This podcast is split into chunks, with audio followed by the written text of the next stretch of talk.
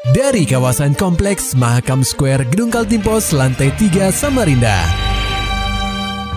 96,8 KPFM.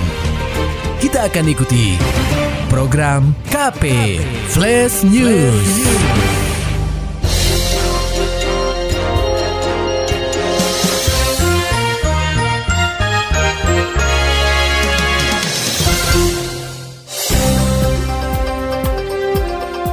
Anda sedang menyimak program KP Flash News bersama saya Agung Pratama. Bikin bangga, juara tiga pemuda pelopor tingkat nasional berasal dari Kaltim. Berikut laporan selengkapnya disampaikan reporter KPFM Samarinda, Maulani Al-Amin. Pemilihan pemuda pelopor tingkat nasional tahun 2023 merupakan kegiatan yang diinisiasi Kemenpora Republik Indonesia. Kaltim patut berbangga karena delegasinya meraih juara tiga dalam ajang tersebut. Ia adalah Yuni Handayani yang berhasil menempatkan dirinya di posisi ketiga pada kepeloporan bidang pendidikan. Kepala Dispora Kaltim Agus Harikesuma mengaku bangga atas prestasi yang ditorehkan Yuni Handayani. Terkait dari capaian yang di kan ada tiga orang itu satu orang alhamdulillah yang berhasil dari bidang pendidikan. Reward kita sudah kita usulkan tanggal 28 dikasih dia hadiah. Tanggal 28. 28 sini apel. Pemuda pelopor dengan Paskibraka Nasional ada dua. Ada evaluasi mungkin untuk tindak lanjut di pemuda pelopor selanjutnya. Itu kan reguler dia. Setiap Hmm. tahun ada dari Kemenpora. Ada Kemenpora. Ya alhamdulillah ini yang ini setelah saya Dispora ini dapat karena kan sudah rintisan zaman dulu juga. Kan berkesinambungan. Ada target khusus mungkin Karena pelopor itu sulit. Pemuda pelopor sulit karena yang namanya pelopor itu pencetus utama, utama atau inovasi pertama. Hmm. Yuni Handayani pun diganjar hadiah oleh Dispora Kaltim. Secara simbolis, pemberian reward kepada pemuda pelopor Kaltim dilaksanakan pada apel peringatan Hari Sumpah Pemuda atau HSP ke-95 pada 28 Oktober 2023 di halaman Gelora Kadri Uning, Samarinda.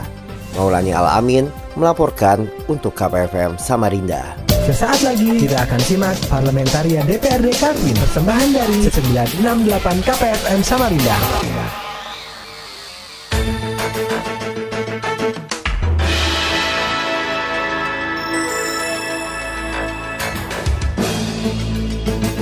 Pendengar KP, Komisi 4 DPRD Kaltim akan evaluasi kinerja Disnaker Trans Kaltim. Laporan selengkapnya akan disampaikan reporter KPFM Samarinda, Muhammad Nur Fajar. Pendengar KP, Ketua Komisi 4 DPRD Kaltim Ahmed Reza Pahlevi banyak menerima keluhan mengenai tenaga kerja di benua etam. Namun, kinerja Dinas Tenaga Kerja dan Transmigrasi atau Disnaker Trans Kaltim dalam menangani permasalahan tenaga kerja dirasa masih belum maksimal. Tetapi politisi Gerindra ini menyadari bahwa anggaran Disnaker Trans Kaltim masih jauh dari kata cukup untuk melakukan pengawasan langsung di lapangan. Sehingga jajaran Disnaker Trans dan pengawasnya belum maksimal dalam melakukan pengawasan tenaga kerja di Kaltim. Berkaca dari permasalahan tersebut, Reza menegaskan akan melakukan evaluasi terhadap kinerja dari Disnaker Trans Kaltim. Hal ini dilakukan sebagai upaya Komisi 4 DPRD Kaltim dalam melaksanakan fungsi pengawasan terhadap perusahaan-perusahaan di Kaltim. Yang jelas kita meminta eh, apa namanya dinas tenaga Ke- kerja provinsi beserta pengawasnya kita tahu berapa anggaran eh, kembali ke anggaran untuk turun ke lapangan ke- oleh dinas tenaga kerja provinsi yang tentunya tidak memakan dana yang sedikit oleh sebab itu ya kita akan membantu dan mensupport anggaran untuk eh, teman-teman pengawas eh, untuk lapangan di dinas tenaga kerja provinsi. Untuk mendukung kinerja Disnaker Trans Kaltim agar lebih maksimal, Reza menekankan bahwa pihaknya akan memberikan bantuan dukungan anggaran yang cukup, sehingga teman-teman pengawas di Disnaker Trans Kaltim bisa lebih sering turun ke lapangan dalam melakukan pengawasan kepada perusahaan-perusahaan di Kaltim. KPFM Samarinda, Muhammad Fajar melaporkan. Berita selanjutnya pendengar KP, Wakil Ketua DPRD Kaltim Seno Aji menginginkan Badan Otorita Ibu Kota Nusantara atau IKN dapat mengedepankan penyedia jasa konstruksi lokal dalam proyek pembangunan IKN. Hal itu disampaikan Seno saat menghadiri seminar nasional garapan Dinas PUPR Pera Kaltim yang mengangkat tema Strategi dan Kebijakan Penyelenggaraan Pembangunan IKN terkait peran serta pelaku jasa konstruksi di Provinsi Kaltim di Ballroom Hotel Grand Senior Balikpapan Kamis 26 Oktober. 2023. Dalam sambutannya, Seno Aji menyampaikan rasa terima kasih pada Dinas PUPR Perak Kaltim yang telah menyelenggarakan seminar nasional tersebut. Seperti diketahui, IKN sudah berjalan dengan proses yang cukup cepat. Proses pembangunan ini tentu akan melibatkan banyak sekali tenaga kerja maupun jasa konstruksi yang ada di Kaltim. Oleh sebab itu, ia mendorong pihak otorita IKN untuk selalu memprioritaskan penyedia jasa konstruksi lokal dalam pembangunan IKN. Seno mendorong agar ke depannya para pelaku jasa konstruksi lokal memiliki kerjasama operasi atau KSO dengan perusahaan-perusahaan tingkat nasional karena dalam seminar nasional ini banyak pelaku jasa konstruksi yang hadir serta memiliki andil dalam pembangunan di Kaltim. Politisi Partai Gerindra ini mengatakan Kaltim saat ini telah mengesahkan anggaran kurang lebih 20,6 triliun rupiah untuk tahun 2024 Sedangkan tahun 2023, total anggaran APBD mencapai 25,6 triliun rupiah. Artinya Kaltim akan sangat banyak sekali pembangunannya. Seno mengatakan untuk itu diperlukan partisipasi pelaku jasa konstruksi lokal dalam membangun ibu kota provinsi Kaltim, dalam hal ini Samarinda dan juga seluruh kabupaten dan kota di provinsi Kaltim.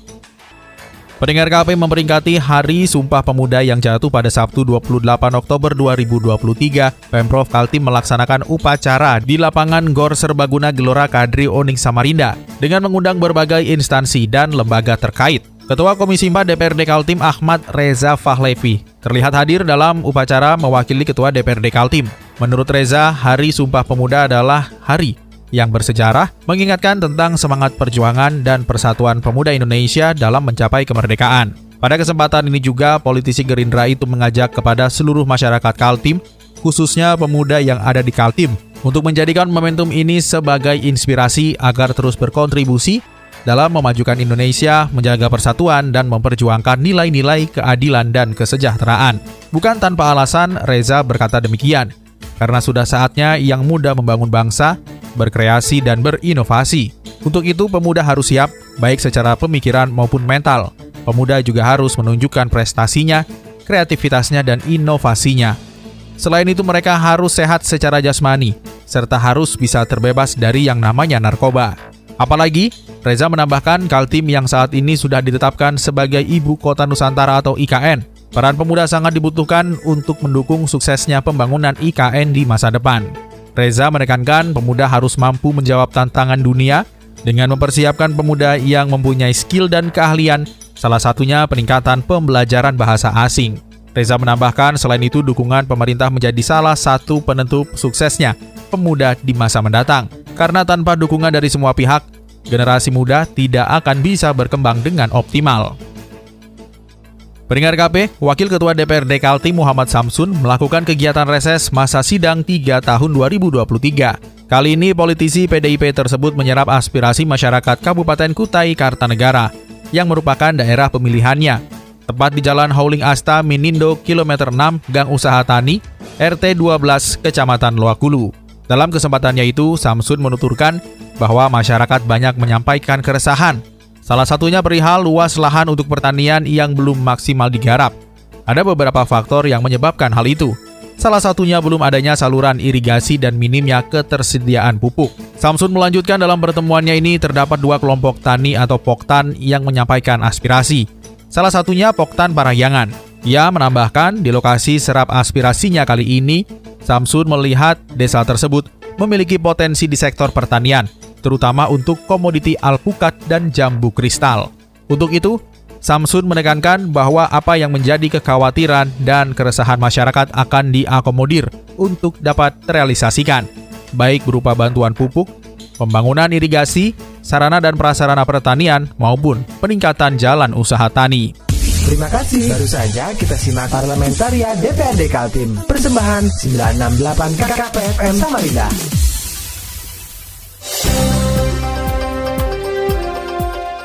Beralih ke berita selanjutnya, pendengar KP, layanan pojok baca garapan Dinas Perpustakaan dan Kearsipan Daerah atau DPKD Kaltim menyambangi lapas narkotika kelas 2A Samarinda yang berlokasi di Jalan Padat Karya, Kelurahan Sempaja Utara, Kecamatan Samarinda Utara. Layanan ini sendiri dihadirkan untuk meningkatkan minat baca serta menambah wawasan dan pengetahuan dari warga binaan di lapas narkotika Samarinda.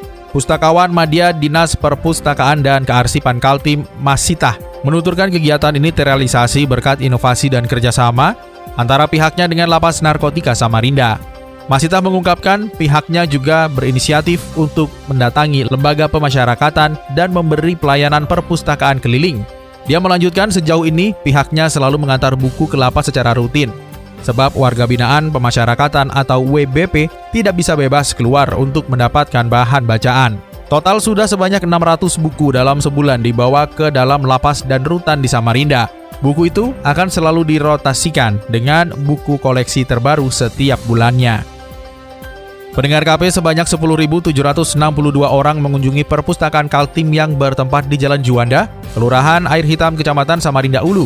Angka itu diperoleh selama periode 3 bulan, yakni mulai Juli hingga September 2023. Pustakawan bidang pengembangan perpustakaan dan pembudayaan kegemaran membaca DPKD Kaltim Martin Rumana menilai tingginya jumlah pengunjung di perpustakaan Kaltim menunjukkan minat baca masyarakat masih cukup tinggi. Jika dirincikan, pengunjung yang datang ke perpustakaan pada Juli tercatat sebanyak 3.295 orang. Sementara di bulan Agustus mengalami peningkatan jumlah pengunjung dengan total mencapai 4.246 orang. Namun pada bulan September jumlahnya kembali berkurang di angka 3.221 pengunjung. Peningkatan jumlah pengunjung di perpustakaan Kaltim juga dibarengi dengan angka peminjam buku secara fisik. Pada periode yang sama, jumlah peminjam buku fisik di tahun 2023 adalah 4.254 buku, dengan rincian Juli 794 buku, Agustus 827 buku, dan September 992 buku. Melihat data statistik tersebut, Martin berharap peningkatan jumlah pengunjung dan peminjam buku dapat terus berlanjut di tahun-tahun mendatang. Beralih ke berita selanjutnya, pendengar KP Dinas Perpustakaan dan Kearsipan Daerah atau DPKD Kaltim patut berbangga. Setelah dalam kurun waktu tiga bulan terakhir, angka kunjungan masyarakat perpustakaan Kaltim mengalami peningkatan menjadi 10.762 pengunjung. Namun peningkatan kunjungan masyarakat ke perpustakaan Kaltim belum dibarengi dengan peningkatan pengunjung pada aplikasi perpustakaan digital Kaltim. Hal itu disampaikan oleh pustakawan bidang pengembangan perpustakaan dan pembudayaan kegemaran membaca DPKD Kaltim Martin Rumana. Martin menerangkan pengunjung perpustakaan dan kearsipan terdiri dari pengunjung langsung, dan pengunjung aplikasi perpustakaan digital iKaltim. Pengunjung aplikasi iKaltim adalah mereka yang mengakses layanan perpustakaan dan kearsipan secara daring melalui aplikasi iKaltim. Martin menjelaskan berdasarkan data yang ada, jumlah pengunjung aplikasi iKaltim pada periode Juli hingga September 2023 hanya sebanyak 304 orang, dengan rincian Juli 44 orang, Agustus 212 orang, dan September 48 orang. Menurutnya, jumlah pengunjung aplikasi iKaltim masih rendah jika dibandingkan pengunjung langsung yang berjumlah 10.762 orang. Martin menerangkan pihaknya terus berupaya untuk meningkatkan layanan aplikasi iKaltim agar lebih menarik dan mudah digunakan oleh masyarakat. Dia juga terus melakukan sosialisasi dan promosi tentang aplikasi iKaltim kepada masyarakat. Martin menambahkan, selain jumlah pengunjung iKaltim, pihaknya juga merekap data peminjam e-book di aplikasi iKaltim. Meski jumlah pengunjung iKaltim masih terpantau rendah, namun jumlah peminjam e-book di aplikasi tersebut terbilang cukup tinggi. Adapun jumlah peminjam e-book pada tiga bulan terakhir adalah 1.626 orang, dengan rincian Juli 554 orang, Agustus 739 orang, dan September 345 orang. Dalam kesempatan ini, Martin mengajak masyarakat untuk memanfaatkan layanan perpustakaan dan kearsipan yang disediakan oleh DPK Kaltim dalam bentuk aplikasi e-Kaltim. Ia berharap masyarakat dapat memanfaatkan layanan perpustakaan dan kearsipan secara optimal baik secara langsung maupun daring. Maulani Alamin, Muhammad Nur Fajar, KPFM Samarinda. Serta dapatkan berita-berita selengkapnya di www.968kpfm.co.id. Demikian tadi telah kita simak rangkaian berita-berita yang terangkum dalam program KP Flash News. Persembahan dari 96,8 KPFM. Terima kasih dan sampai jumpa.